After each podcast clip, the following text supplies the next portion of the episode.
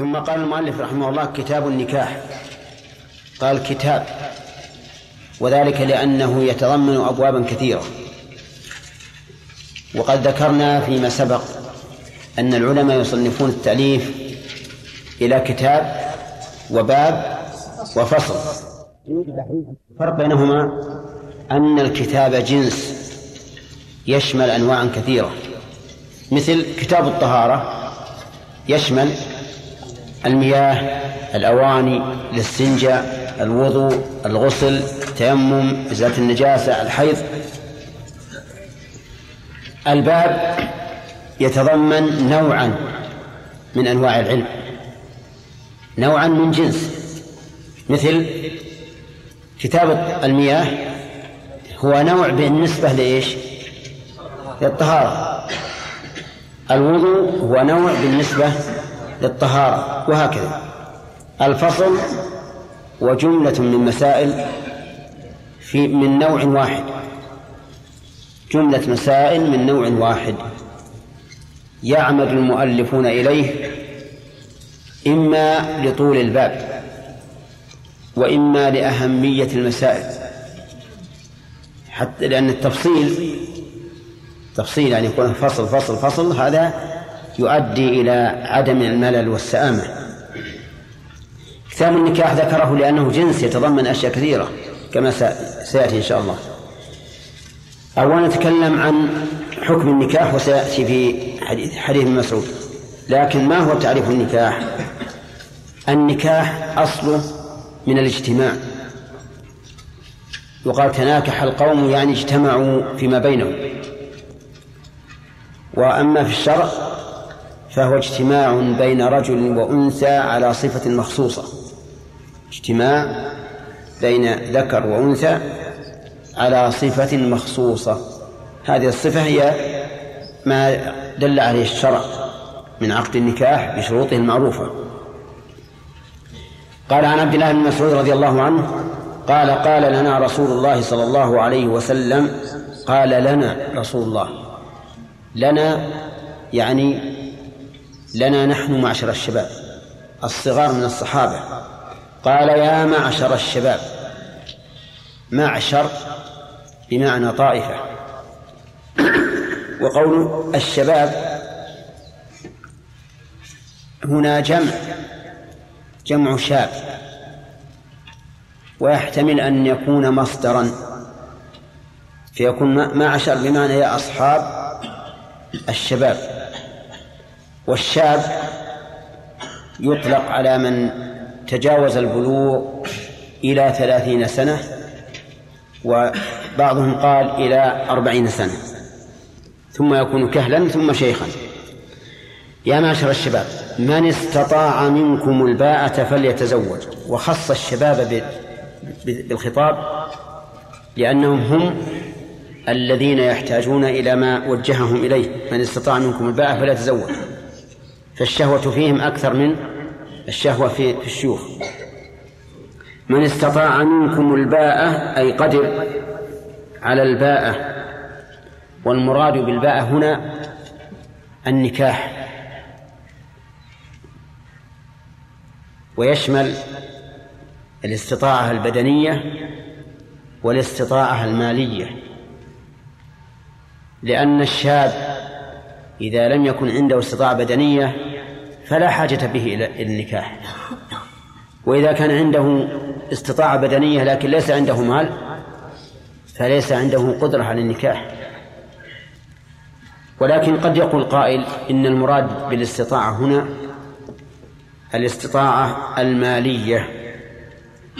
لقوله ومن لم يستطع فعليه بالصوم فإن هذا يدل على أن هذا المخاطب لديه قدرة بدنية لكن ليس عنده قدرة مالية. وقوله فليتزوج هذه جواب من؟ وقرنت بالفاء لأن الجملة الواقعة جوابا طلبية. طلبية هو فعل مضارع. كيف؟ طلبية هو فعل مضارع يا أخوان. نعم لأنها مقرونة بلام الأمر. فليتزوج. فليتزوج. فإنه أي الزواج أغض للبصر وأحصن للفرج. ولم يقل وأكثر للولد مع أنه أكثر للولد. لأن غالب الشباب أكبر همهم ما يكون به غض البصر إيش؟ وتحسين الفرج. ولهذا تجد الذين يهنئونه بالزواج لا يتبادر إلى أذهانهم أنهم يهنئونه بأنه وجد حرثا يبذر فيه ويكون له أولاد. بل ربما يقول له تريث في الإنجاب لمدة سنتين ثلاث أربع. نعم. إنما يهنونه لأجل ما يكون به غض البصر وتحصين الفرج ولهذا لم يذكر النبي صلوات الله وسلامه عليه الفائدة العظيمة وهي إيش؟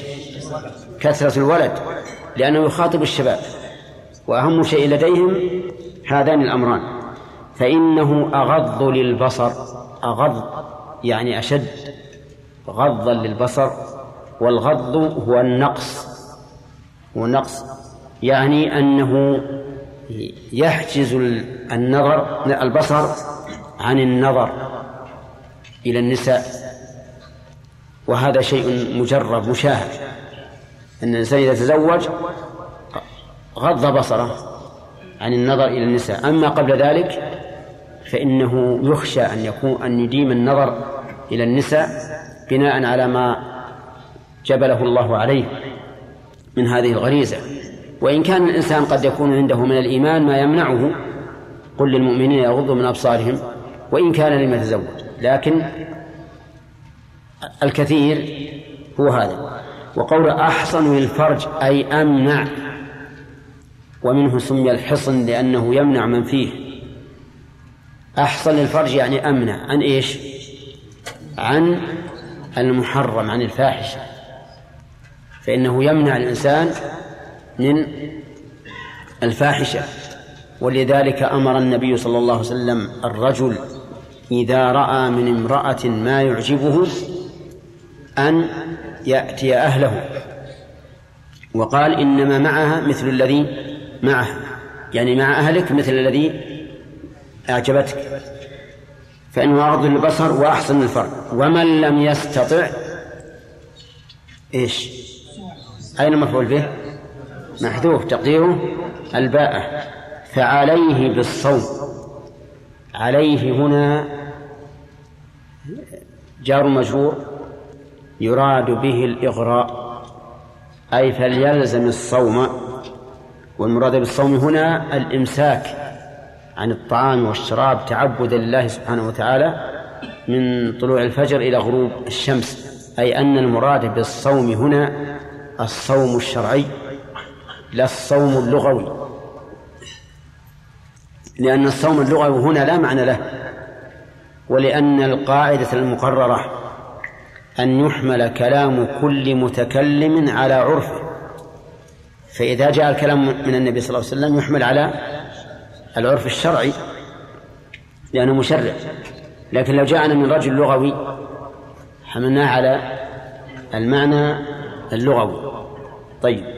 يقول فعليه بالصوم فإنه له أنا ما يمكن أخ فإنه له أي نعم ما أتبع فإنه له وجاء أجل نقص هذا.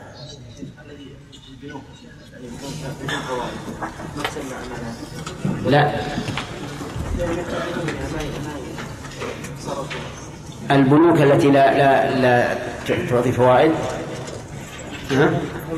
لا تعطي زيادة الصواب لأنها ما فائدة الربا ربا ما هو فائدة.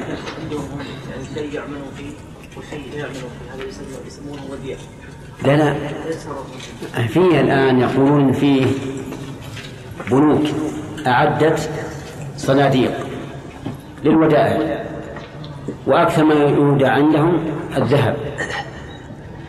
الذهب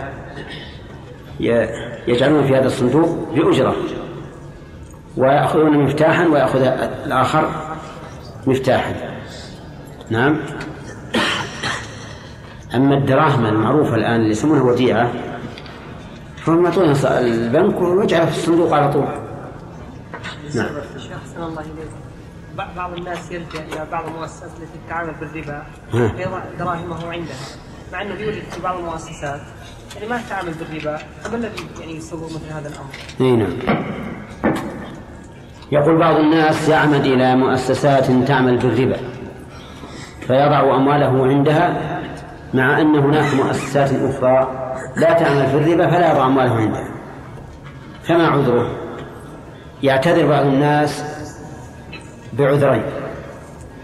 العذر الأول أن هذه آمن لأنها مدعومة من الدولة والثاني غير مدعوم من الدولة وربما يفلس كما جرى. في بعض الأوقات يفلس هذا التاجر فتضيع الأموال. والثاني أنها أحسن خدمة لأنهم يقولون الآن بدأوا يطلعون آلة يخرجون آلة تأتي في أي ساعة كانت من ليل أو نهار وتستلم فلوس فكأنها في صندوقك في بيتك فيقول نحن نفضلها لهذا لهذين السببين ولكن نقول لو فرض أن هذه البنوك لا تعمل إلا بالربا كان حرام على كل حال. لكن هي تعمل في الربا وفي غير الربا. الله آه النكاح ما هو؟ إيه؟ لغة الاجتماع نعم. لغة تناكح القوم يجتمع. نعم. وفي الاصطلاح هو الجمع بين ذكر وأنثى بعقد شرعي على على على ما وافق الشرع يعني عقد. يملك به كل من الزوجين ما لا يملكه بدونه على وجه شرعي. طيب. نبدأ حديث ابن مسعود ما خلصنا هذا. باق فيه. قال النبي صلى الله عليه وسلم يا معشر الشباب من استطاع منكم الباءة فليتزوج فإنه أغض للبصر وأحسن للفرج. ومن لم يستطع فعليه بالصوم فإنه له وجاء. من لم يستطع يعني من لم يستطع الباءة والباء السبق أنه يراد بها الجماع ويراد بها ما يحصل به الجماع من المال والمراد به هنا ما يحصل به الماء ما يحصل به الجماع من المال لقوله ومن لم يستطع إذ لا يصح أن يحمل قوله ومن لم يستطع على الجماع لأن من لا يستطيع الجماع لا يحتاج إلى النكاح. لكن من لم يستطع إيش؟ من لم يستطع المال الذي يحصل به الجماع فعليه بالصوم. عليه؟ هذا جار مجرور وهو بمعنى إلزم. آه، بمعنى فليلزم. بمعنى فليلزم. فهو اسم فعل. اسم فعل أمر بمعنى فليلزم. والعرب تستعمل الجار والمجرور بمعنى اسم الفعل. ومنه قوله تعالى كتاب الله عليكم. كتاب الله عليكم على أحد الأقوال. وقوله فإنه له وجاء فإنه أي الصوم. له أي لمن لم يستطع. وجاء أي مانع يمنع من قوة الشهوة وثورانها يعني أن الصوم يقطع الشهوة. فيقل على المرء التعب من أجلها. هذا الحديث خاطب النبي صلى الله عليه وسلم فيه الشباب لأنهم أحرى به من الشيوخ. وذلك لأن الشباب هم الذين تتوافر فيهم هذه الشهوة فلهذا وجه الخطاب إليهم فيستفاد من هذا الحديث عدة فوائد. أولا حسن خطاب النبي صلى الله عليه وسلم حيث يوجه الخطاب إلى من هم أولى به إلى من هم أولى به. ومن فوائده أن أن الشاب القادر على الزواج يجب عليه أن يتزوج. لقوله صلى الله عليه وسلم فليتزوج. واللام للأمر والأصل في الأمر الوجوب. وإلى هذا ذهب كثير من أهل العلم. على أن القادر على الزواج يجب عليه أن يتزوج. لأن الأصل في الأوامر الوجوب ولما فيه من المصالح العظيمة. وقال بعض أهل العلم إن اللام إن الأمر هنا للاستحباب. وعللوا ذلك بأن النكاح أمر تعود مصلحته إلى الفاعل وهي مصلحة جسدية متعلقة بالشهوة. فيكون الأمر للإرشاد فقط أي للاستحباب. ولكن الصحيح أنه أن الأمر للوجوب. وذلك لأن النكاح عبادة. النكاح عبادة لأن النبي صلى الله عليه وسلم أمر به ولأنه من سنن المرسلين.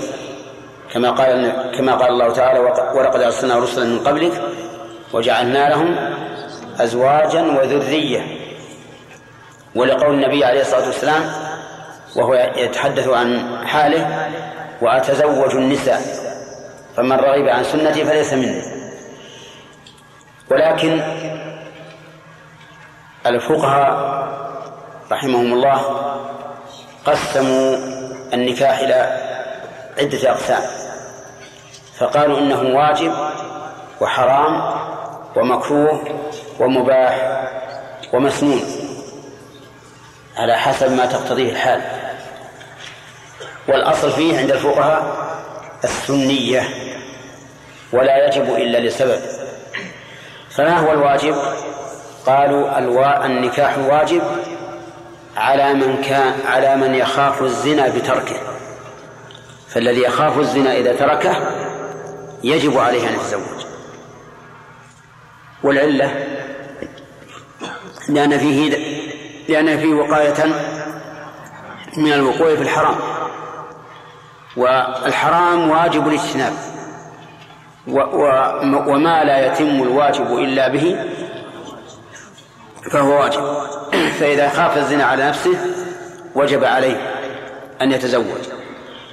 وهذا جزء من القول الذي أشرنا إليه آنفا وهو وجوب النكاح على من استطاعه لأن القائلين بالوجوب يقولون يجب وإن لم يخف الزنا ما دام فيه شهوة فإنه يجب عليه أن يتزوج وإن لم يخف الزنا ويكون حراما إذا كان في دار الحرب. رحمك الله. يكون حراما في دار الحرب. يعني مثلا لو أننا نقاتل الكفار ونحن الآن في بلاد الكفار نقاتلهم فإن النكاح هنا يحرم. لأنه يخشى من استرقاق الولد. ربما يستولي المسلم الكفار على المسلمين ويسبو ذريتهم فيسترقون أولادهم وما لا يتم دفع الحرام إلا به فهو فهو واجب. إذن فاجتناب النكاح واجب. نعم. لكن قالوا إذا كان هناك ضرورة بأن خاف الزنا بتركه فحينئذ يجوز. ويكره لإنسان فقير ليس له شهوة. الإنسان الفقير الذي ليس له شهوة يكره أن يتزوج. لماذا؟ لأن هذا الزواج لا يستفيد منه إلا الإرهاق. يرهق نفسه بالإنفاق على زوجته ورعايتها. وهذا لا شك أنه, أنه شاق لا داعي له. ما دام الرجل ليس فيه شهوة فإنه لا لا حاجة للتزوج. طيب وش بقى عندنا؟ المستحب نخلي المستحب والأخير المباح لإنسان له شهوة ولكن لا مال له. لا لا لا مال له. فهنا نقول يباح لك.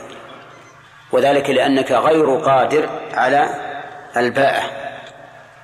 فإذا تزوجت واستقرضت للزواج فهذا مباح. لكنه ليس مستحبا بل هو من باب المباح وكذلك الإنسان الذي عنده مال وليس له شهوة فالنكاح في حقه من قسم المباح من قسم المباح لأنه ليس عنده ما يدعو ليس فيه ما يدعو إلى النكاح لكن إذا تزوج صار فيه مصلحة فالزوجة تختمه وهو أيضا يعف الزوجة ويحصل فيه مصالح لها. المسنون هو الأصل. المسنون هو الأصل. ولذلك نجد أن أن الأحكام الأربعة الأخرى كلها تحتاج إلى إيش؟ إلى سبب يحولها من الاستحباب إلى الوجوب أو التحريم أو الكراهة أو الإباحة. من فوائد هذا الحديث حسن تعليم الرسول عليه الصلاة والسلام وبيانه لأمته وهو أنه إذا ذكر الحكم ذكر علته لأن ذكر العلة ذكر العلة فيها فوائد ثلاثة.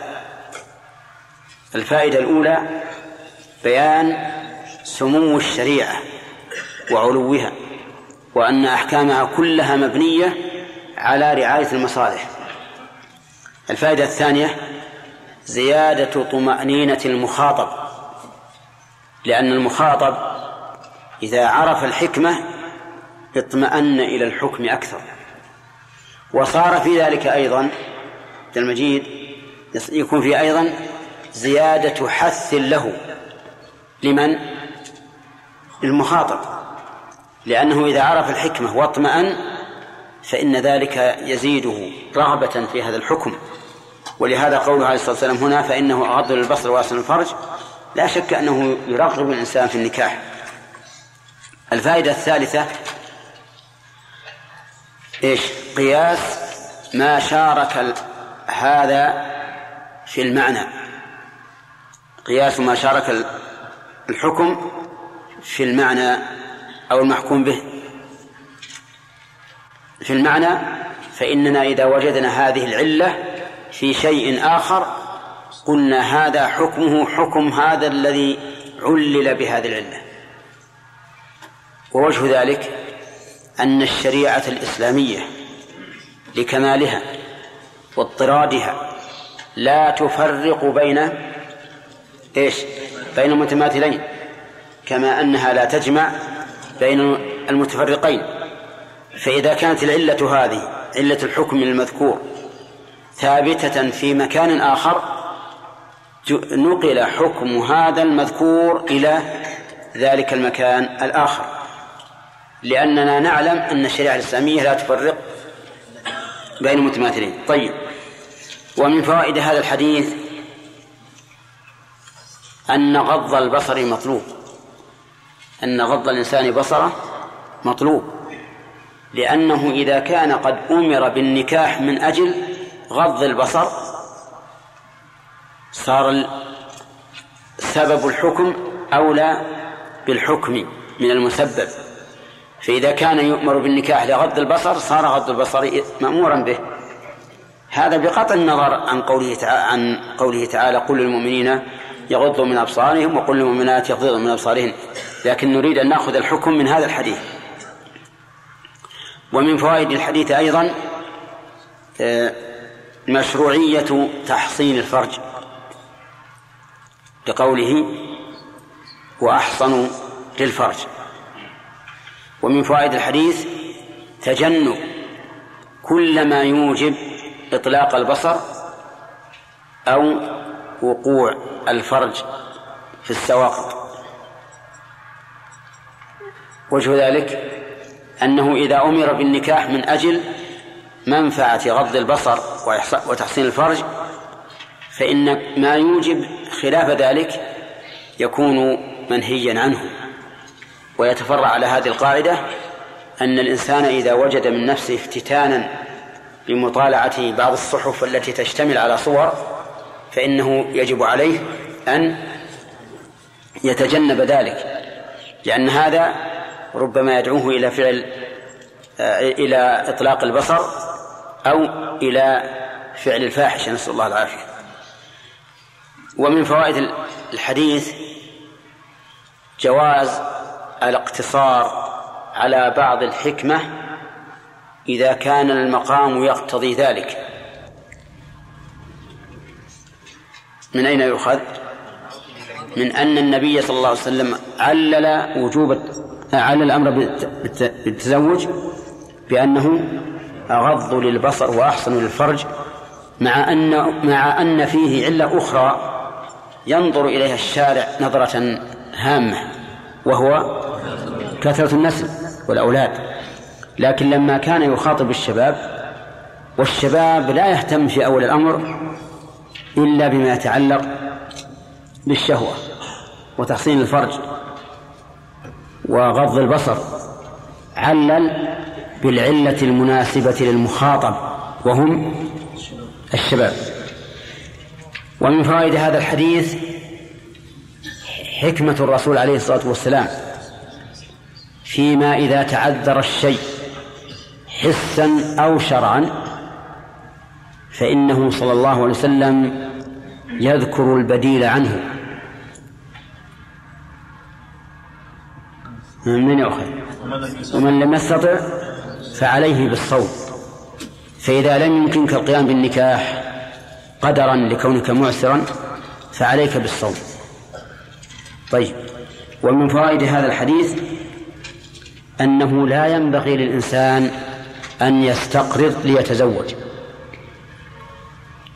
لا ينبغي له أن يستقرض ليتزوج. وجه الدلالة أنه قال من لم يستطع فعليه بالصوم ولم يقل فليستقرض. أو فليستدن طيب ويدل لهذا أيضا قوله تعالى وليستعفف الذين لا يجدون نكاحا حتى يغنيهم الله من فضله. يعني بدون واسطة. لا لم يقل حتى يغنيهم الله بأي وسيلة حتى يغنيهم الله من فضله وهذا لا يحصل إلا بالغنى.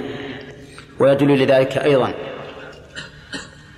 حديث سهل بن سعد رضي الله عنه في قصة المرأة التي وهبت نفسها للنبي صلى الله عليه وسلم فلم يردها. فقال بعض القوم إن لم يكن لك بها حاجة فزوجنيها. فقال له النبي عليه الصلاة والسلام يسأله هل عنده صداق؟ قال إزاري وليس له رداء. الرجل ما عليه إلا إزار. بقية جسمه من فوق عاري. قال إزارك إن أعطيتها إياه بقيت لا إزار لك. وإن استمتعت به لم تجد لم يكن لها فائدة منه. إذا ما, لا يصح. فقال التمس فذهب الرجل التمس ما وجد ولا خاتم من حديد. قال معك شيء من القرآن؟ قال نعم. كذا وكذا. فقال ملكتكها بما معك من القرآن. ولم يقل له صلى الله عليه وسلم استقرض أو استدن. فدل هذا على أنه لا ينبغي لمن لا ليس عنده مؤونة النكاح أن يستقرض. أن يستقرض. طيب ما هي الحكمة؟ لو قال قائل ما هي الحكمة في أنه لا يستقرض أليس هذا من مصالح الإنسان؟ نعم. نقول بلى لكن الاستقراض ذل. ذل.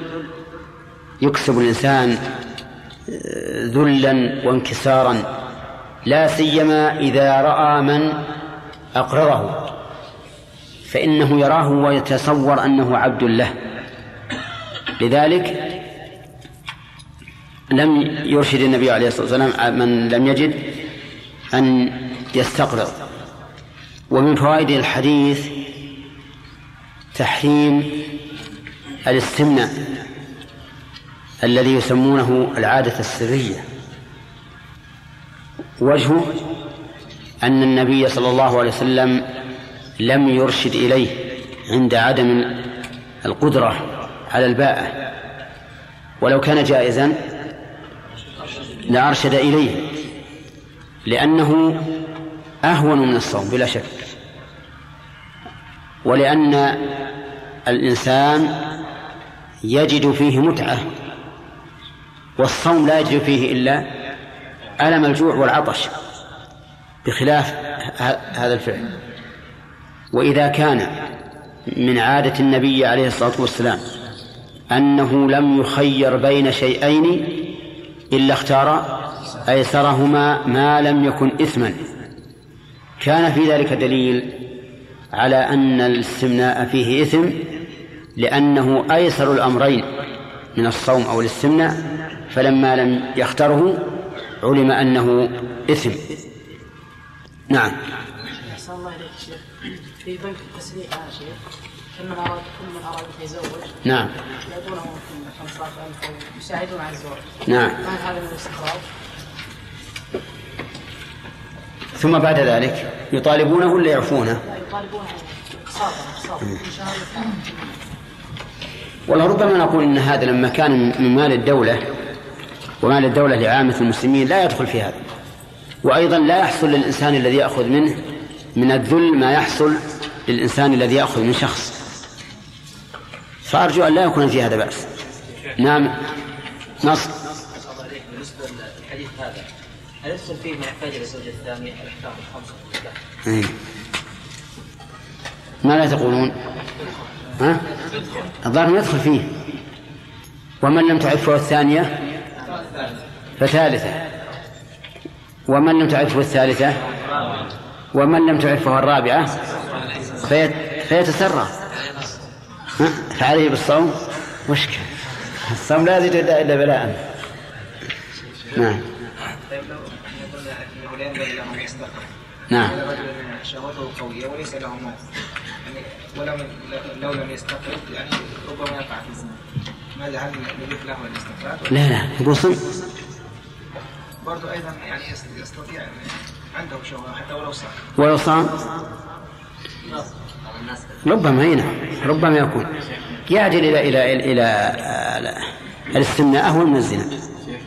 ولهذا ذكر الإمام أحمد رحمه الله رخص بالاستمناء لمن خاف الزنا ولم يستطع الصوم. قال لأنه أهون.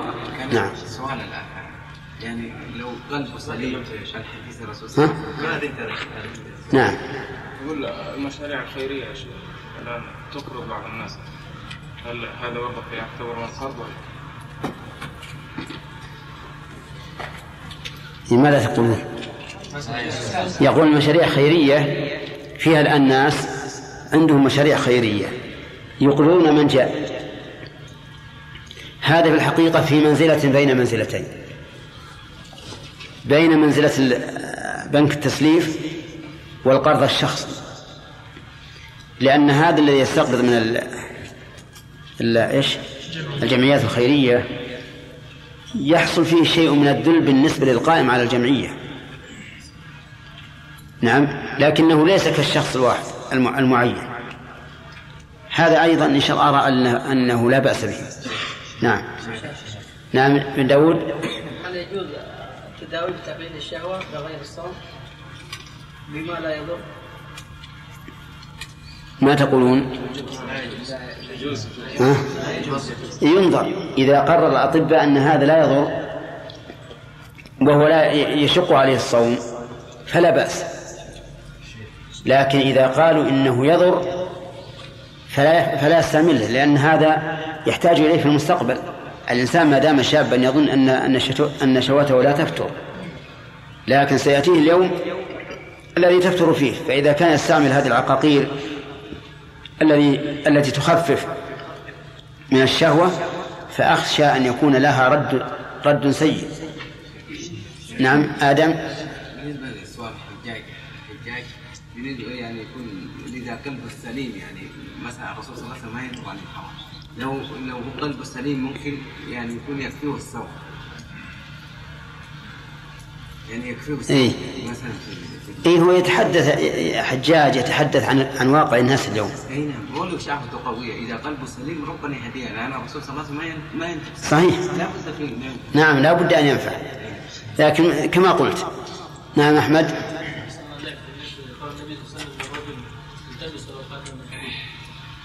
هو الالتماس لا. لأنه قال هل تجد وهذا يدل على أنه منه ولأن الله قال أن تبتغوا بأموالكم.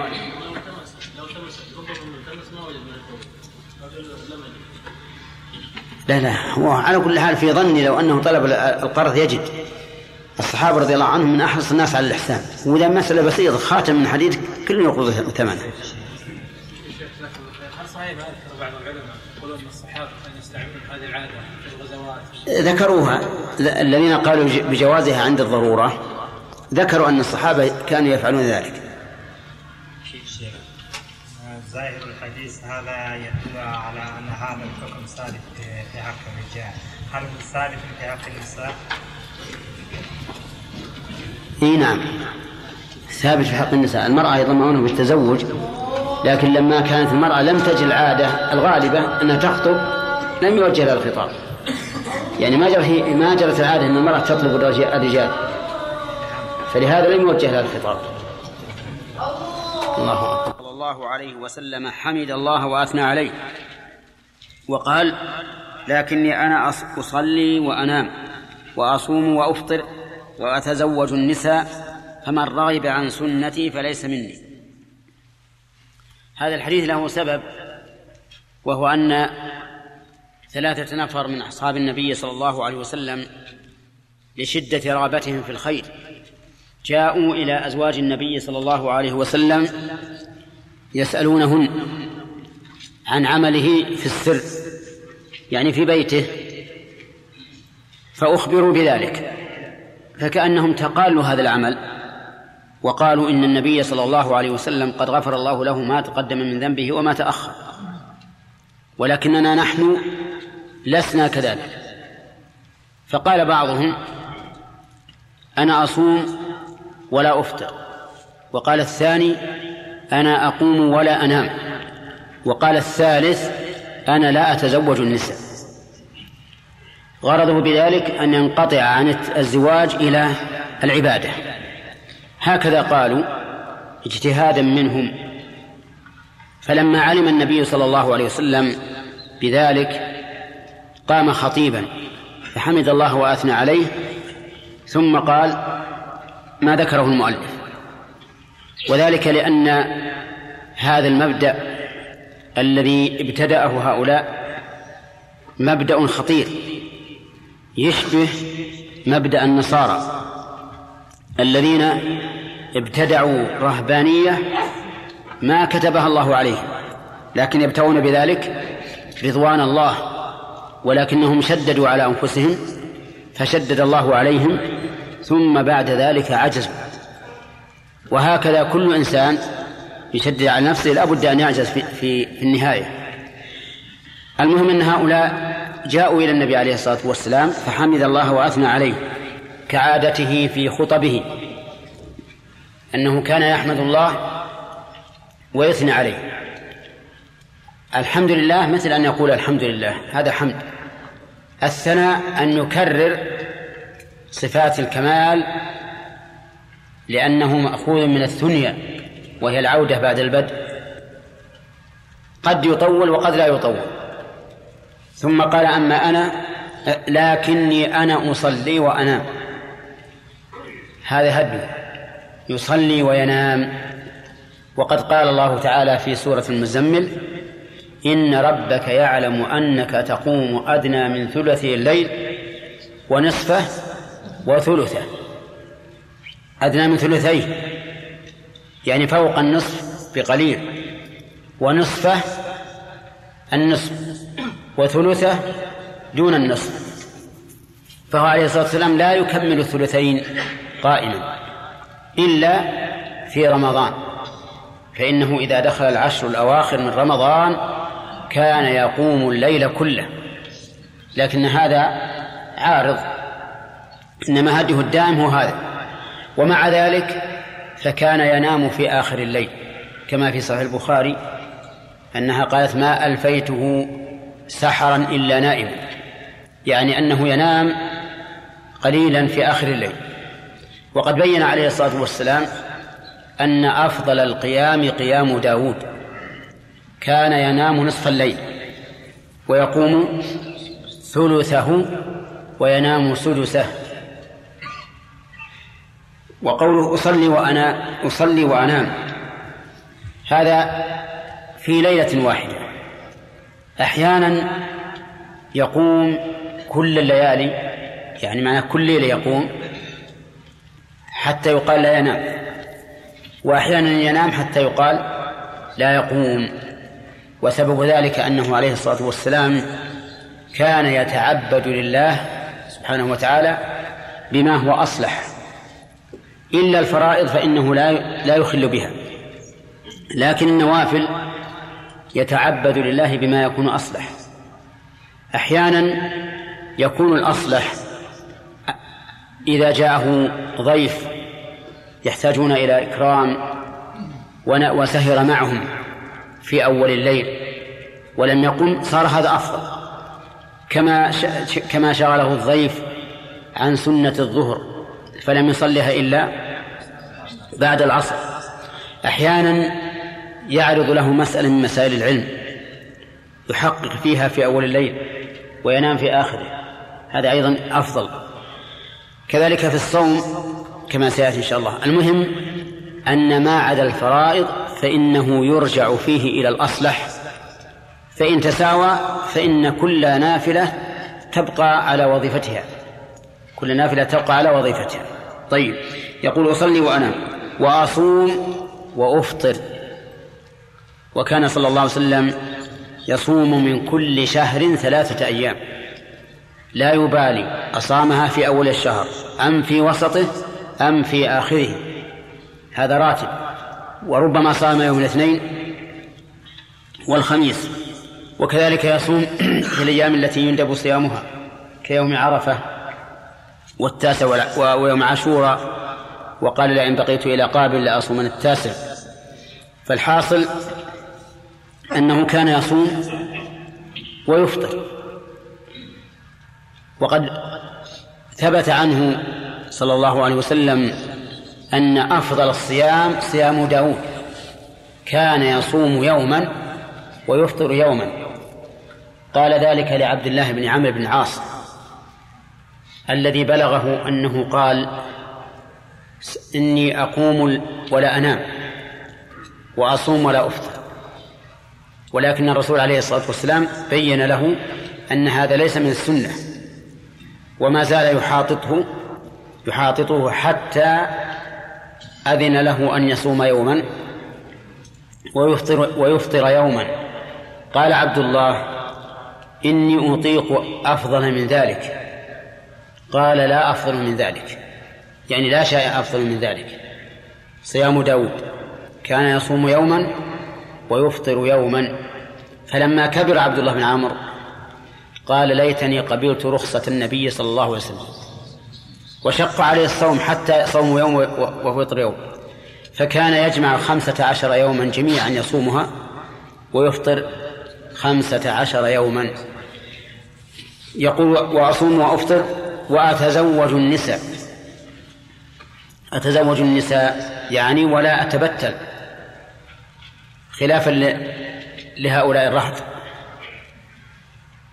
وتزوجه للنساء عليه الصلاة والسلام كما كما يتزوج الرسل من قبله. قال الله تعالى ولقد أرسلنا رسلا من قبلك وجعلنا لهم أزواجا وذرية. ثم إن تزوجه للنساء ليس كت... ليس تزوج تشهي وطرب ولهذا لم يأخذ امرأة بكرا إلا عائشة. لم يتزوج امرأة بكرا إلا عائشة. ولو شاء أن يتزوج ما شاء من الأبكار لحصل له ذلك لكنه عليه الصلاة والسلام إنما يريد بزواجه مصالح شرعية عظيمة سوى قضاء الوطر طيب وقد حبب الله إليه النساء. فقال عليه الصلاة والسلام حبب إلي من دناكم النساء والطيب وجعلت قرة عيني في الصلاة. وذلك لأجل المصلحة العظيمة لأجل أن يكون له في كل قبيلة وبطن من العرب صلة.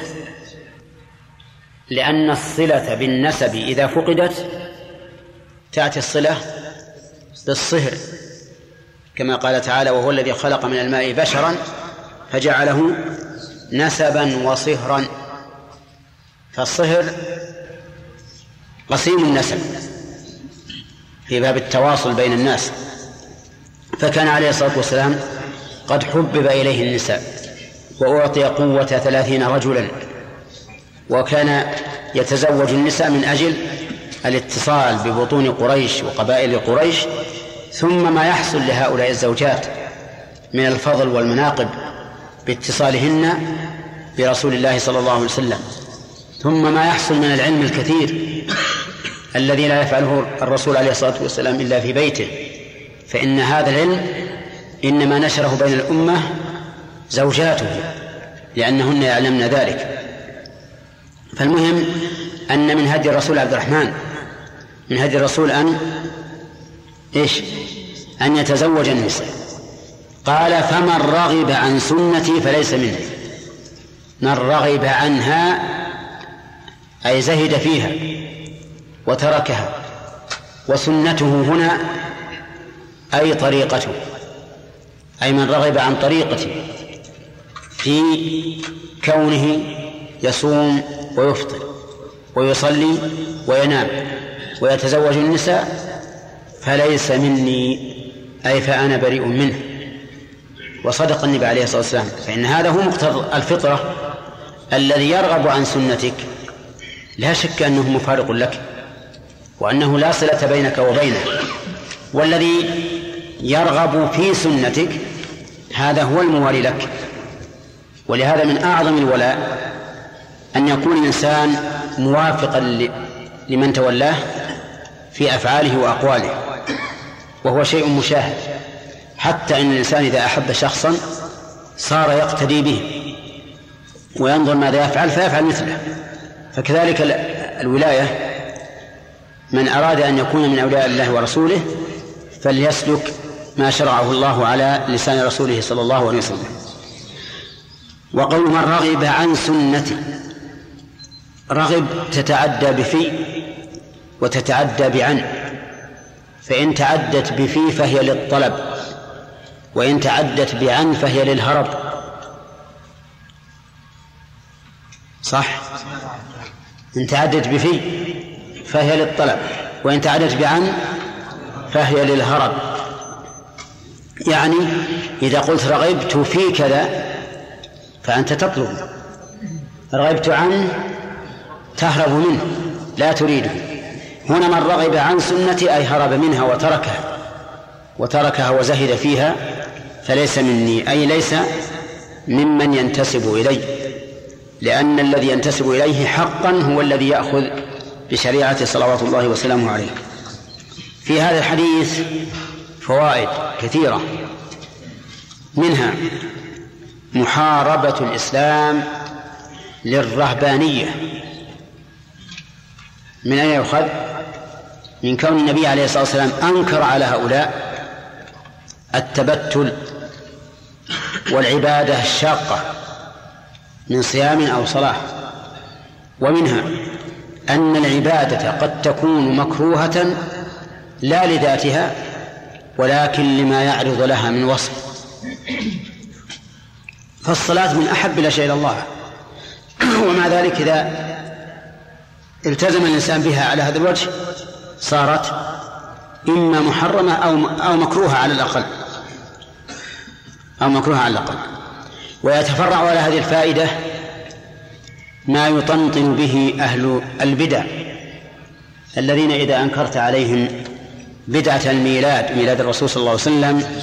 قالوا كيف تنكر علينا؟ أنت ترغب عن الصلاة على الرسول عليه الصلاة والسلام ولا ترغب في الصلاة عليه؟ وش يقول؟ أرغب في الصلاة عليه لكني أرغب عن البدعة. هل هذه الصلاة التي ابتدأتموها وهذا الثناء على الرسول عليه الصلاة والسلام في هذه الليلة هل هذا مما شرعه الرسول؟ لا. إذن يكون بدعة وكل بدعة ضلالة.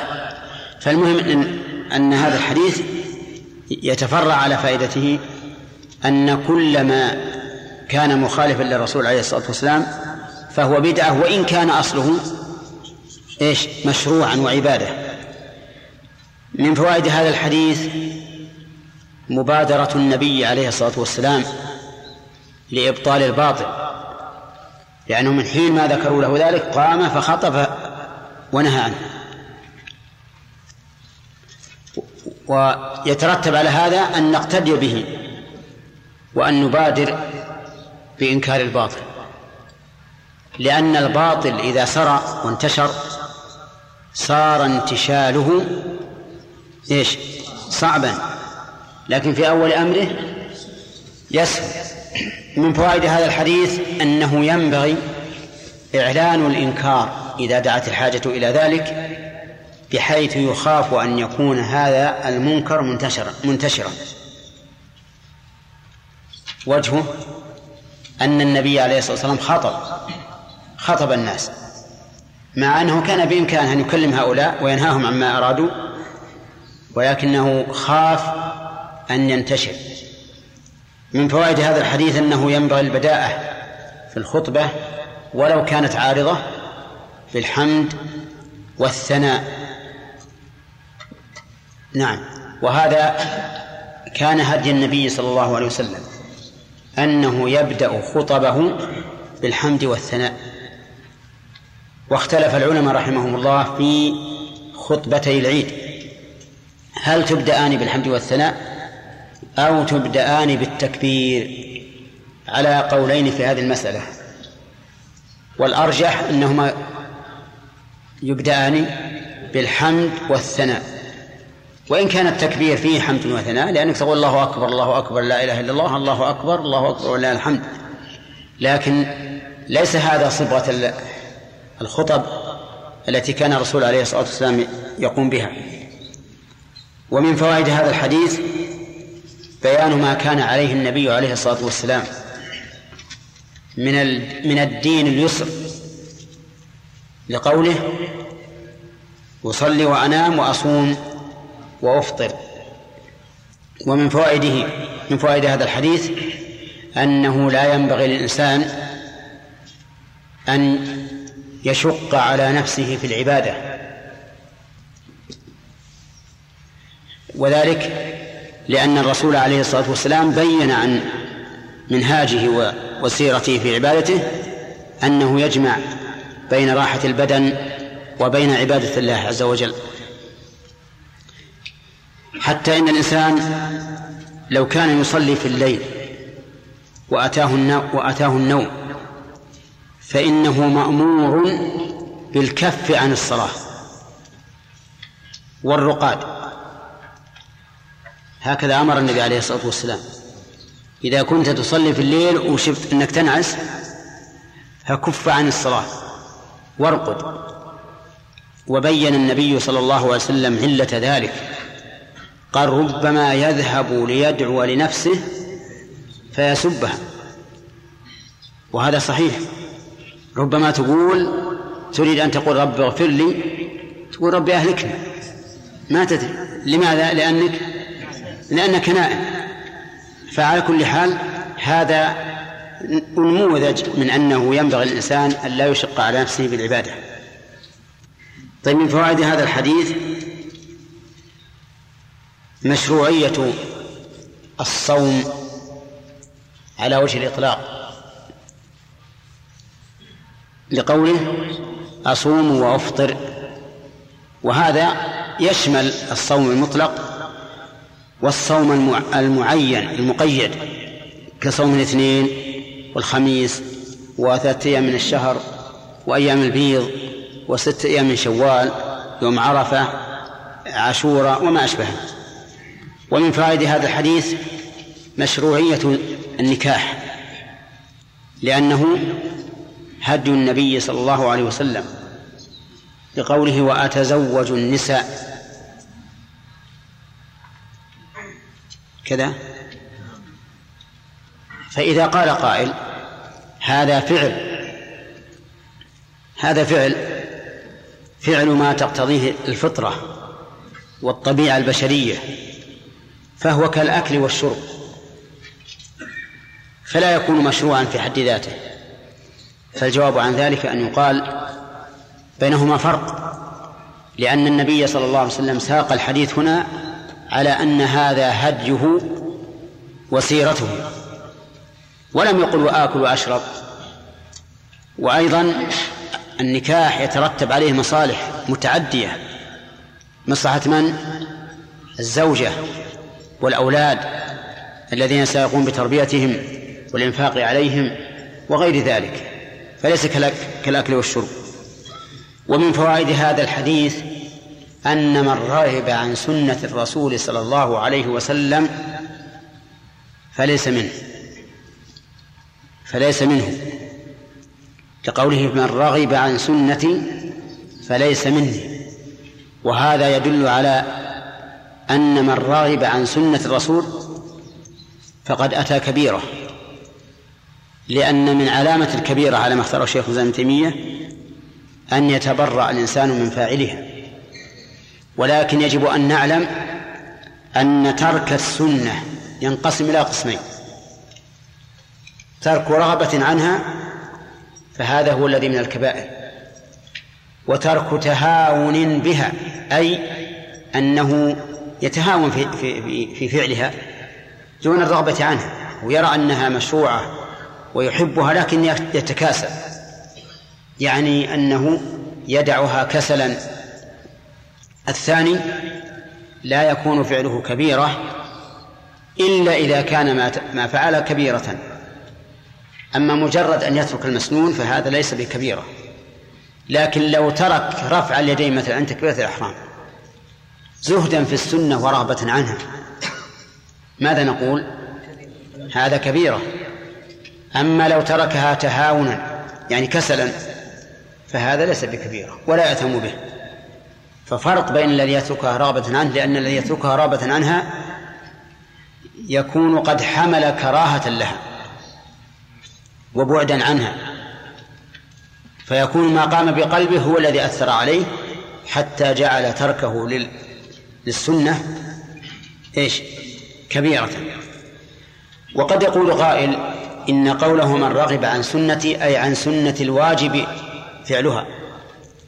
فيقال حتى وإن حمل الحديث على هذا الوجه فإن ترك الواجب لا يؤدي إلى الكبيرة إلا على حسب حجم الواجب وأهميته. لكن الرغبة عن السنة يعني ترك يعني تركها زهدا فيها لا شك أنه كبيرة. يعني لو قيل لماذا لم تفعل هذا؟ قال والله ما ما ما أريد. هذه ما هي شيء. نعم. ويقع في نفس الشيء من الزهد فيها وعدم الرغبة. من فوائد هذا الحديث أن من اشتد من اشتد تمسكه بالسنة فهو من الرسول عليه الصلاة والسلام. فهو من الرسول. لكن منه حسا أو معنى؟ معنى. نعم. منه معنى. يعني أنه تابع له تمام الاتباع. فكلما تمسكت بسنة الرسول صلى الله عليه وسلم كنت أولى الناس به ويشهد لهذا قوله تعالى إن أولى الناس بإبراهيم للذين اتبعوه وهذا النبي والذين آمنوا والله ولي المؤمنين. ومن فوائد هذا الحديث أن السنة تطلق على الطريقة فتشمل الواجب والمستحب. طيب ما تقولون في من ترك الزواج رغبة عن السنة؟ يكون آثما؟ يكون آثما وفاعلا لكبيرة. أما من تركه وحشة منه وهيبة فإن هذا لا يكون قد أتى كبيرة. طيب ومن تركه خوفا من الفقر. ها؟ نعم. لا بأس. من تركه خوفا من الفقر. يقول أنا عندي الآن خمسين ألف. أخاف يتزوج آخذ أربعين ألف للمهر وعشرة آلاف للذهب. وأبقى فقيرا. نقول هذا أيضا سوء ظن بالله.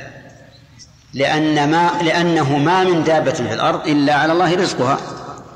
فأنت إذا تزوجت فتح الله لك باب رزق يكون, رزقا لزوجتك. وليس وليس وليس الزواج سببا للفقر. طيب. نعم.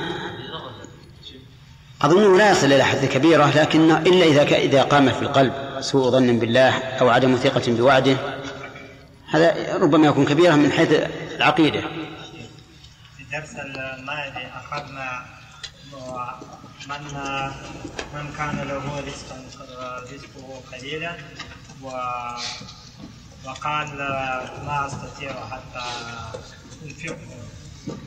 هذا نكاح مباح. كيف؟ في الدرس الماضي. مثال مثال إيه. لا, لا بس هذا ما ما عنده عقيدة. يعني ما عنده مال لكن ما عنده عقيدة. هذا يقول إذا تزوجت سوف ينقص رزقي؟ لا ما قال هكذا. ما نوى هذا. الفرق الفرق إن هذا ماله قليل ويخشى من النفقات. أما هذا يخشى يعني يقول إن الله لن يرزقني. فبينهما فرق. تكبيرة الركوع قبل الركوع بعد الركوع إذا بين للإنسان أنها سنة. وقال هذا لم يوقع مثلا الإمام اللي هي اللي هو الركوع قبل الركوع رفع اليدين قبل الركوع وبعد الركوع. نعم. تركها. نعم. نقول وقال إنه ليس بسنه قال إنه سنة لم يرد مثلا عن إمامنا ما قال. آه مشكلة عن إمام. نقول له من إمامك؟ إذا قال إن إمامنا لم يرد علي عن لم يرد عنه رفع اليدين قبل الركوع ولا بعد الركوع نقول من إمامك ولم يرد مثل ابو حنيفه هل انت اعلم مني؟ ما يخالف. نقول مشكلة نحن إن كان إمامك أبا حنيفة فإمامنا محمد بن عبد الله. وقد ثبت في في الصحيح من حديث ابن عمر بل في الصحيحين جميعا وغيرهما أنه كان يرفع يديه إذا كبر الركوع وإذا رفع من الركوع. نعم. هل يؤخذ من هذا الحديث إذا وجد أحد الصالحين أنك تسأل ممن يعلم عنه عن عمله في الليل أي.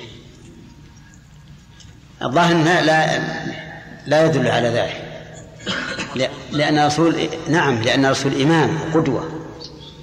أما غيره ليس إماما وقدوة كقدوة الرسول. وإن كان لا شك أن أهل الخير يقتدى بهم لكن ليست أقوالهم حجة وموجبة للشرعية. نعم. شيخ الله إليك أن النبي عليه الصلاة والسلام يعني كان يتزوج لما في الزواج من المصالح يعني في تعدد النساء وأنه لا لا يتزوج لمجرد الشهوة عليه الصلاة والسلام وإلا لعدد الابكار يقول أحسن الله إليك حديث المرأة التي وهبت نفسها إليك. في الحديث نعم. صعد النظر فيها وصوبها. نعم. وما كان تعجب. نعم. وقوله عليه الصلاة والسلام حبب إلي النساء. أقول هذا ما يدل على أنه يرغب يعني هو لا شك انه ما هو معنى إن انه إنه يعني هو لا شك إنه يرغب. لكن مو هو من أجل كل نكاح من أجل الرغبه والشهوه إي نعم. ما في شك ان ان ان انه انها مؤثره فيه. لكن ما يمكن أن نقول كما قال ال- ال- النصارى الآن إن محمدا رجل شهواني. ليس له هم إلا النساء. نقول لو كان كما زعمتم لكان لا يأخذ إلا الأبكار الجميلات ما يأخذ عنس بعضهم لهن أولاد. هنا. نعم.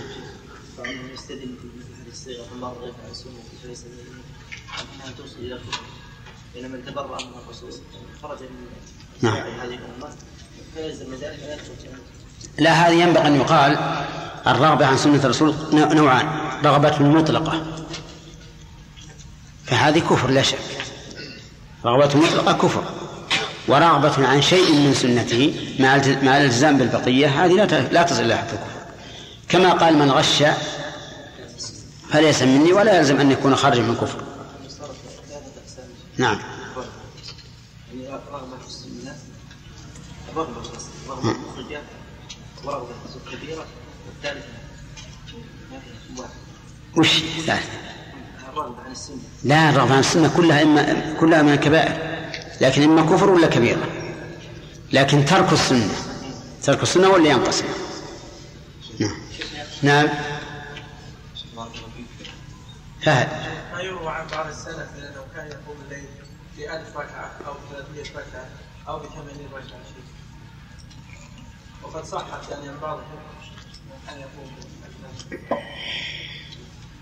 قال ابن المطهر في كتابه منهاج الكرامة قال ومن خصائص الإمام علي أنه كان يصلي ما بين صلاة المغرب والعشاء ألف ركعة ألف ركعة. قال الشيخ الإسلام إذا كان علي بن أبي طالب يصلي ركعة ما بين المغرب والعشاء فهذه من مثالبه لا من مناقبه إذا صار يصلي ركعة بهالمدة اليسيرة معناه يلعب.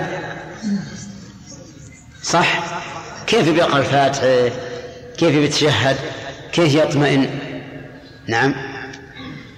فالحاصل إن, إن, إن بعض السلف رحمهم الله يكون عندهم رغبة في الخير فتجدهم يجتهدون في كثرة الصلاة. لكنهم ليسوا على سنة الرسول عليه الصلاة والسلام. يعني أقل ما نقول في هؤلاء إنهم مجتهدون مخطئون. مجتهدون مخطئون. هذا أحسن أحوالهم. عرفت؟ أما أما المصيب فهو الذي يتبع سنة الرسول عليه الصلاة والسلام. نعم شاكر.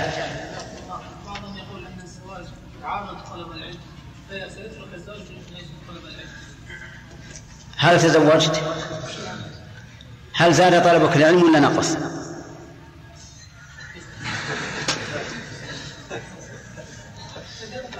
نعم. لا هذا عارض. نقصان عارض. لو جاء ضيوف عندك بينقص آه، آه، مراجعتك للدروس. إنما هذا رأي ليس بصواب. بل إن الزواج مما يزيد الإنسان في طلب العلم. مما يزيد الإنسان في طلب العلم لأنه يتفرغ بعض الشيء ويروح عنه الهم الذي كان قد أصابه من من ما قبل الزواج فلذلك هو يزيد في طلب العلم. ولهذا نحن نحث طلبتنا خاصة وطلبة العامة على أن يحرصوا على الزواج. إيه ما فيها شيء. أبدا. ها رضي الله عنه هذا ذبح بعير. يمكن ما أدري والله لكن على كل حال ما فيها شيء. المسائل اللي ما تقع على سبيل التعبد ما هي ب- ما هو بكل شيء ما فع- ما فعله الصحابة حتى في الأمور العادية. العادية ما فيها بدعة أبدا. كل بدعة في الدين. أما هذه ما هي. هذا الحديث يا بندر لكني أنا أصوم.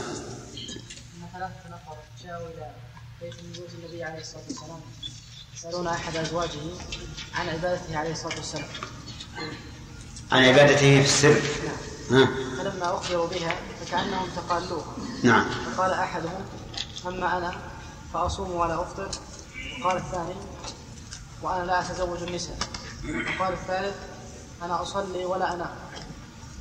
فلما أخبر النبي عليه الصلاة والسلام حمد الله وأثنى عليه وقال هل نعم. ما الفرق؟ عبد الله بين الحمد والثناء. الحمد هذا هو تكرار الحمد تكرار الحمد. والحمد؟ الحمد هو الذكر في في أول مرة. ذكر إيش؟ الحمد لله. إيه لكن ذكر المحمود بصفات؟ صفات الكمال. طيب. فإن كرر فهو ثناء. ما دليلك على هذا؟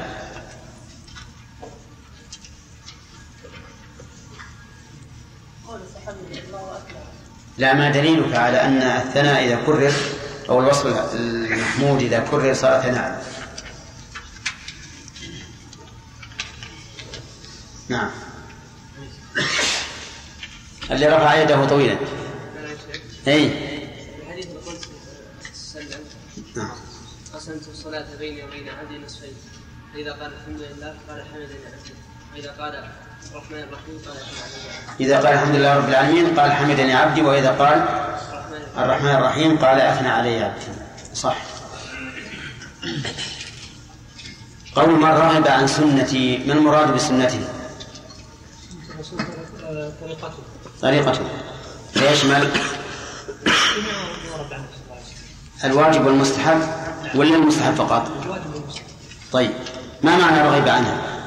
يعني فيها نعم. زهد فيها وتركها يعني تقلل لها وزهد وعدم رغبة طيب البراءة هنا براءة كاملة أو لا؟ نعم. اي نعم. حسب مخالفة النبي صلى الله عليه وسلم. إيش؟ حسب مخالفة النبي صلى الله عليه وسلم. نعم. ليست مطلقة. كيف؟ فصل. كلما كثر اتباع الرجل النبي صلى الله عليه وسلم كان أحب إلى النبي صلى الله عليه وسلم. كلما خالف في معصيته. لكن الكلام فليس مني. هل المراد البراءة المطلقة أم ماذا؟ ليست مطلقة. كيف؟ اشرح.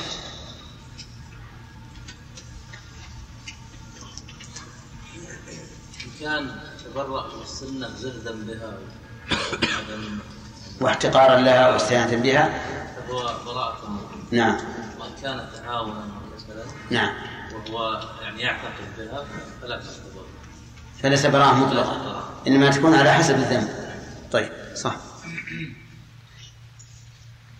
هل يؤخذ من هذا الحديث مشروعية النكاح؟ فهد ما وجهه؟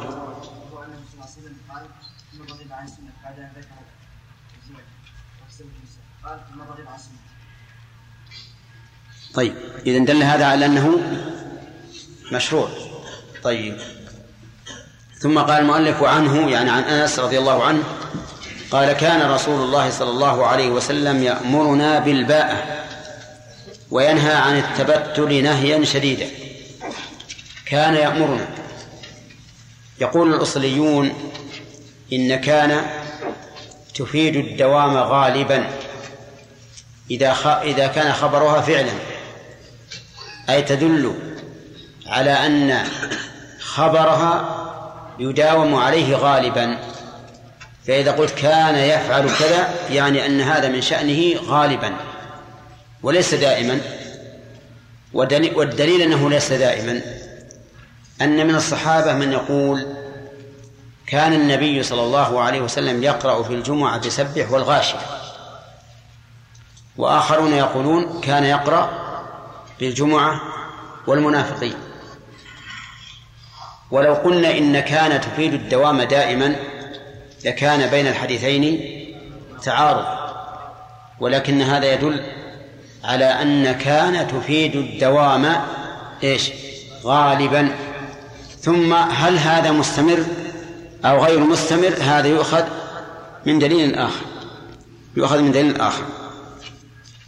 قال كان يأمرنا بالباءة الباءة النكاح. لقوله صلى الله عليه وسلم من استطاع منكم الباءة فليتزوج. وينهى عن التبتل. طيب الأمر والنهي. ضده لأن الأمر طلب الفعل والنهي طلب الكف فهما متضادان. طيب. وقول التبتل التبتل يعني الانقطاع عن النكاح ينهى عنه نهيا شديدا يعني أنه يشدد في النهي عنه. ويقول إضافة إلى الأمر بالباءة تزوجوا الودود الولود فإني مكاثر بكم الأنبياء يوم القيامة رواه أحمد وصححه ابن حبان. وله شاهد لآخره تزوجوا الودود الولود. الأمر هنا بصفة من يطلب تزوجه من النساء. الودود يعني كثيرة المودة التي تتودد للزوج.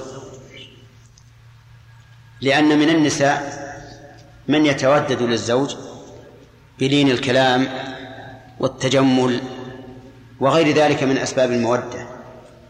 ومن النساء من تكون بالعكس بعض النساء إذا دخل زوجها وهو وصدره ضائق فعلت ما يوسع صدره حتى يصر ويزول عنه ضيق الصدر.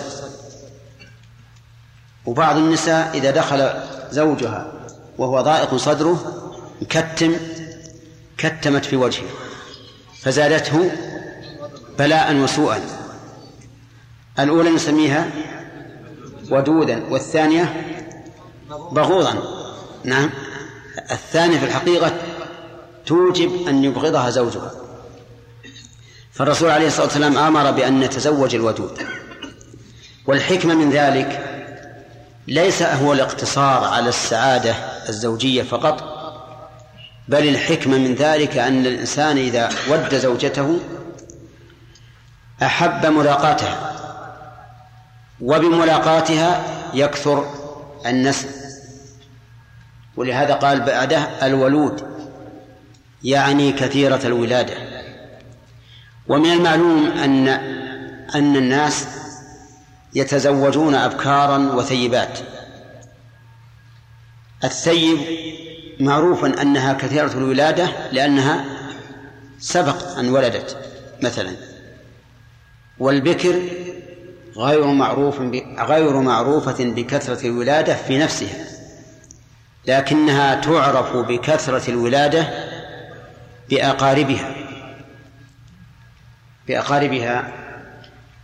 وذلك لأن الوراثة كما تكون في الخلق الظاهر تكون كذلك في الخلق الباطن وكذلك تكون في الخصائص الجسدية.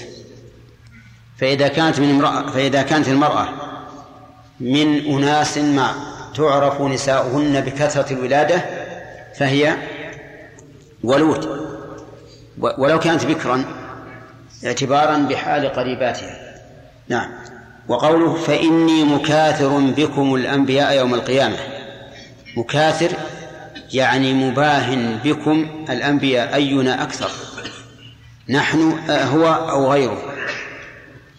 ومن المعلوم أن أتباع النبي صلى الله عليه وسلم أكثر الأتباع وأنه لا نبي أكثر أتباعا منه.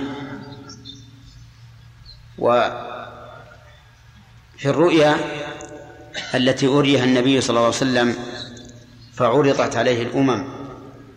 ورأى النبي ومعه الرجل والرجلان والنبي ومعه وليس معه أحد. رفع له سواد عظيم فقيل له هذه فظن أنه أم فظن أنه أمته. فقيل له هذا موسى وقومه. ثم رفع رأسه فإذا سواد عظيم قد سد الأفق. أكثر من الأول. فقيل هذه أمتك وقال أني لأرجو أن تكونوا شطر أهل الجنة. وكل الأمم نصف وهذه الأمة نصف. وأخبر أن الجنة مئة ومئة وعشرون صفا. وأن هذه الأمة ثمانون صفا. فيكون فتكون هذه الأمة بمقدار الثلثين. لكن كيف تكون بمقدار الثلثين؟ لا بد من سبب. من أسباب ذلك كثرة النسل في الأمة. فإذا كثر النسل في الأمة كثرت الأمة. يستفاد من هذا الحديث فوائد عظيمة. أولا وجوب النكاح. وجوب النكاح لقوله يأمرنا بالباءة والأصل في الأمر الوجوب ويؤيد ذلك أنه ينهى عن التبتل نهيا شديدا. والتبتل ضد النكاح. فإذا كان ينهى عنه نهيا كثيرا شديدا صار الأمر بالباءة أمرا أكيدا. يتأكد. وهذا القول هو هو الراجح. أن النكاح واجب على الإنسان لكن بشرط القدرة. فإن لم يكن قادرا فإنه لا يجب لقوله تعالى لا يكلف الله نفسا إلا وسعها. ومنها من فوائد هذا الحديث النهي عن التبتل. فالإنسان لا يتبتل حتى لو فرض أنه تزوج وأتى بالواجب ثم ماتت زوجته أو فارقها بطلاق أو غيره فإنه ينهى أن يتبتل. لأن بعض الناس ربما يتدين بعد بعد زواجه ثم يقول مالي وللنساء. فيطلق زوجته. فنقول له هذا حرام عليك أن تتقرب إلى الله بترك النكاح. لأن النبي صلى الله عليه وسلم قال من رغب عن سنتي فليس مني ونهى عن التبتل نهيا شديدا. ومن فوائد هذا الحديث أن النهي ينقسم إلى شديد وخفيف. فالنهي الخفيف يقتضي الكراهة والشديد يقتضي التحريم. طيب ومن فوائد هذا الحديث أن الأوامر والنواهي تتفاضل فبعضها أوكد من بعض. يعني بعض من بعض المنهيات أو وبعض المأمورات أوكد من بعض. لقوله ينهى نهيا شديدا وقد عرفتم أن الذنوب تنقسم صغائر وكبائر وأن الصغائر تتفاوت وكذلك الكبائر تتفاوت. ومنها مشروعية انتقاء المرأة الودود الولود. الودود الولود لقوله تزوجوا الودود الولود. فإن قال قائل إذا تعارض المواد الموادة والولادة مع الدين. مع الدين فأيهما يقدم؟ قلنا الدين. لأن النبي صلى الله عليه وسلم قال اظفر بذات الدين تربت يمينك. طيب ومنها من فوائد هذا الحديث أنه كلما كانت المرأة أقوى ودا للرجل كان ذلك أسعد للحياة ويؤيد هذا قوله تعالى والله جعل لكم من أنفسكم أزواجا لتسكنوا إليها وجعل بينكم مودة ورحمة. لتقوي هذا السكون. وهو كذلك. ووجهه أن المودة محلها القلب. والقلب مدبر الأعضاء. إذا صلح صلحت وإذا فسدت فسدت وإذا أحب أحبت وإذا كره كرهت. فهو المدبر.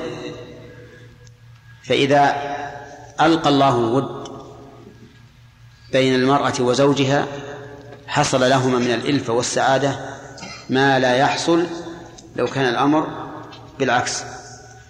ومن فوائد هذا الحديث أن النبي صلى الله عليه وسلم يباهي الأنبياء بأمته. لقوله فإني مكاثر بكم. ولهذا ذكر العلماء رحمهم الله من فوائد النكاح تحقيق مباهاة النبي صلى الله عليه وسلم بأمته. ونحن يسعدنا كثيرا أن نسعى لما يحقق رغبة النبي صلى الله عليه وسلم ومباهاة ومباهاته بأمته. ومن فوائد هذا الحديث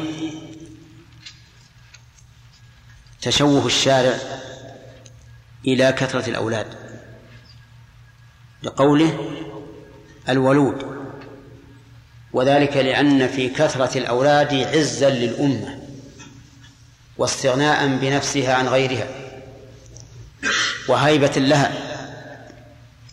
وقد من الله على بني إسرائيل بالكثرة فقال وجعلناكم أكثر نفيرا. وذكر وذكر شعيب قومه بذلك. فقال واذكروا إذ كنتم قليلا فكثركم. ويتفرع على هذه الفائدة أن الدعوة إلى تقليل النسل ما هي إلا دعوة من كافر أو جاهل من كافر يريد تقليل الأمة الإسلامية أو جاهل لا يدري ماذا يترتب. على كثرة النسل. أو إنسان ليس له هم إلا الشهوة. يريد أن تتفرغ زوجته لقضاء وطره منها وليس بسائل أن يكثر الأولاد أو يقل الأولاد. ونحن آه، نشاهد كثيرا من الناس اليوم مع الأسف يحرصون على تقليل الأولاد. يقول لأن هذا يتمتع الإنسان بزوجته أكثر وتتفرغ الزوجة لزوجها أكثر. وإذا كانت موظفة قال تتفرغ لوظيفتها أكثر. وهذا كله نظر قاصر فالأولاد كلهم خير. ويفتح الله عليك من أبواب الرزق ما لا يخطر على بالك بسبب أولادك لأن الله يقول وما من دابة في الأرض إلا على الله رزقها. حتى صار بعضهم يستعمل ما يعرف عند النساء بحبوب منع الحمل وهذه ضارة ضارة من الناحية الطبية ومانعة لمقصود الشرع من كثرة النسل. نعم. ومن فوائد هذا الحديث حرص النبي صلى الله عليه وسلم على تكثير أمته لأنه أمر وعلل أمر بتزوج الولود الولود وعلل ذلك بأنه يكاثر بهذه الأمة الأنبياء يوم القيامة. ومن فوائدها أن الأنبياء عليهم الصلاة والسلام يتباهون أيهم أكثر تابعا. لماذا؟ لأنه كلما كثر أتباع النبي كثر أجره. كلما كثر أتباعه كثر أجره لأنهم يتبعوا وعملوا بشريعته فإن له أجر هذا العامل. من سن في الإسلام سنة حسنة فله أجرها وأجر من عمل بها إلى يوم القيامة. ثم قال وعن أبي هريرة رضي الله عنه عن النبي صلى الله عليه وسلم قال تنكح المرأة لأربع لمالها ولحسبها. كيف آه ما شاهد ما تقوية فقط ما, ما احتاج شرح إذا أحببت نشرح شاهد؟ نعم. وله شاهد عند أبي داود والنسائي وابن حبان من حديث معقل بن يسار. أولا الشواهد والمتابعات. تقوي الحديث. تقوي الحديث. فالمتابعات متابعة الراوي في السند. إلى منتهى منتهاه. والشواهد أن يأتي حديث بمعنى الحديث المشهود له لكن من طريق آخر. فهنا حديث معقل بيسار والأول حديث أنس. فالشاهد يكون بمعنى الحديث المشهود له والمتابعة تكون في السند. وقسمها العلماء إلى متابعة قاصرة ومتابعة تامة. فإن كانت في شيخ الراوي فهي متابعة تامة. وإن كانت في من فوقه فهي متابعة قاصرة. مثال ذلك حدثنا واحد عن اثنين عن ثلاثة عن أربعة عن خمسة. واحد ضعيف. فيأتي إنسان ويقول حدثنا شخص آخر غير رقم واحد عن اثنين عن ثلاثة عن أربعة عن خمسة. فهذا المتابع يوافق المتابع في شيخه. نقول هذه متابعة تامة لأنه تابعه في السند كله. فإن قال فإن جاء واحد قال حدثني فلان عن رقم ثلاثة. أربع عن خمسة. عن أربعة عن خمسة. فهذه متابعة؟ قاصرة. والغرض منها تقوية رواية هذا الضعيف. والمشاهد والشاهد تقوية الحديث كله.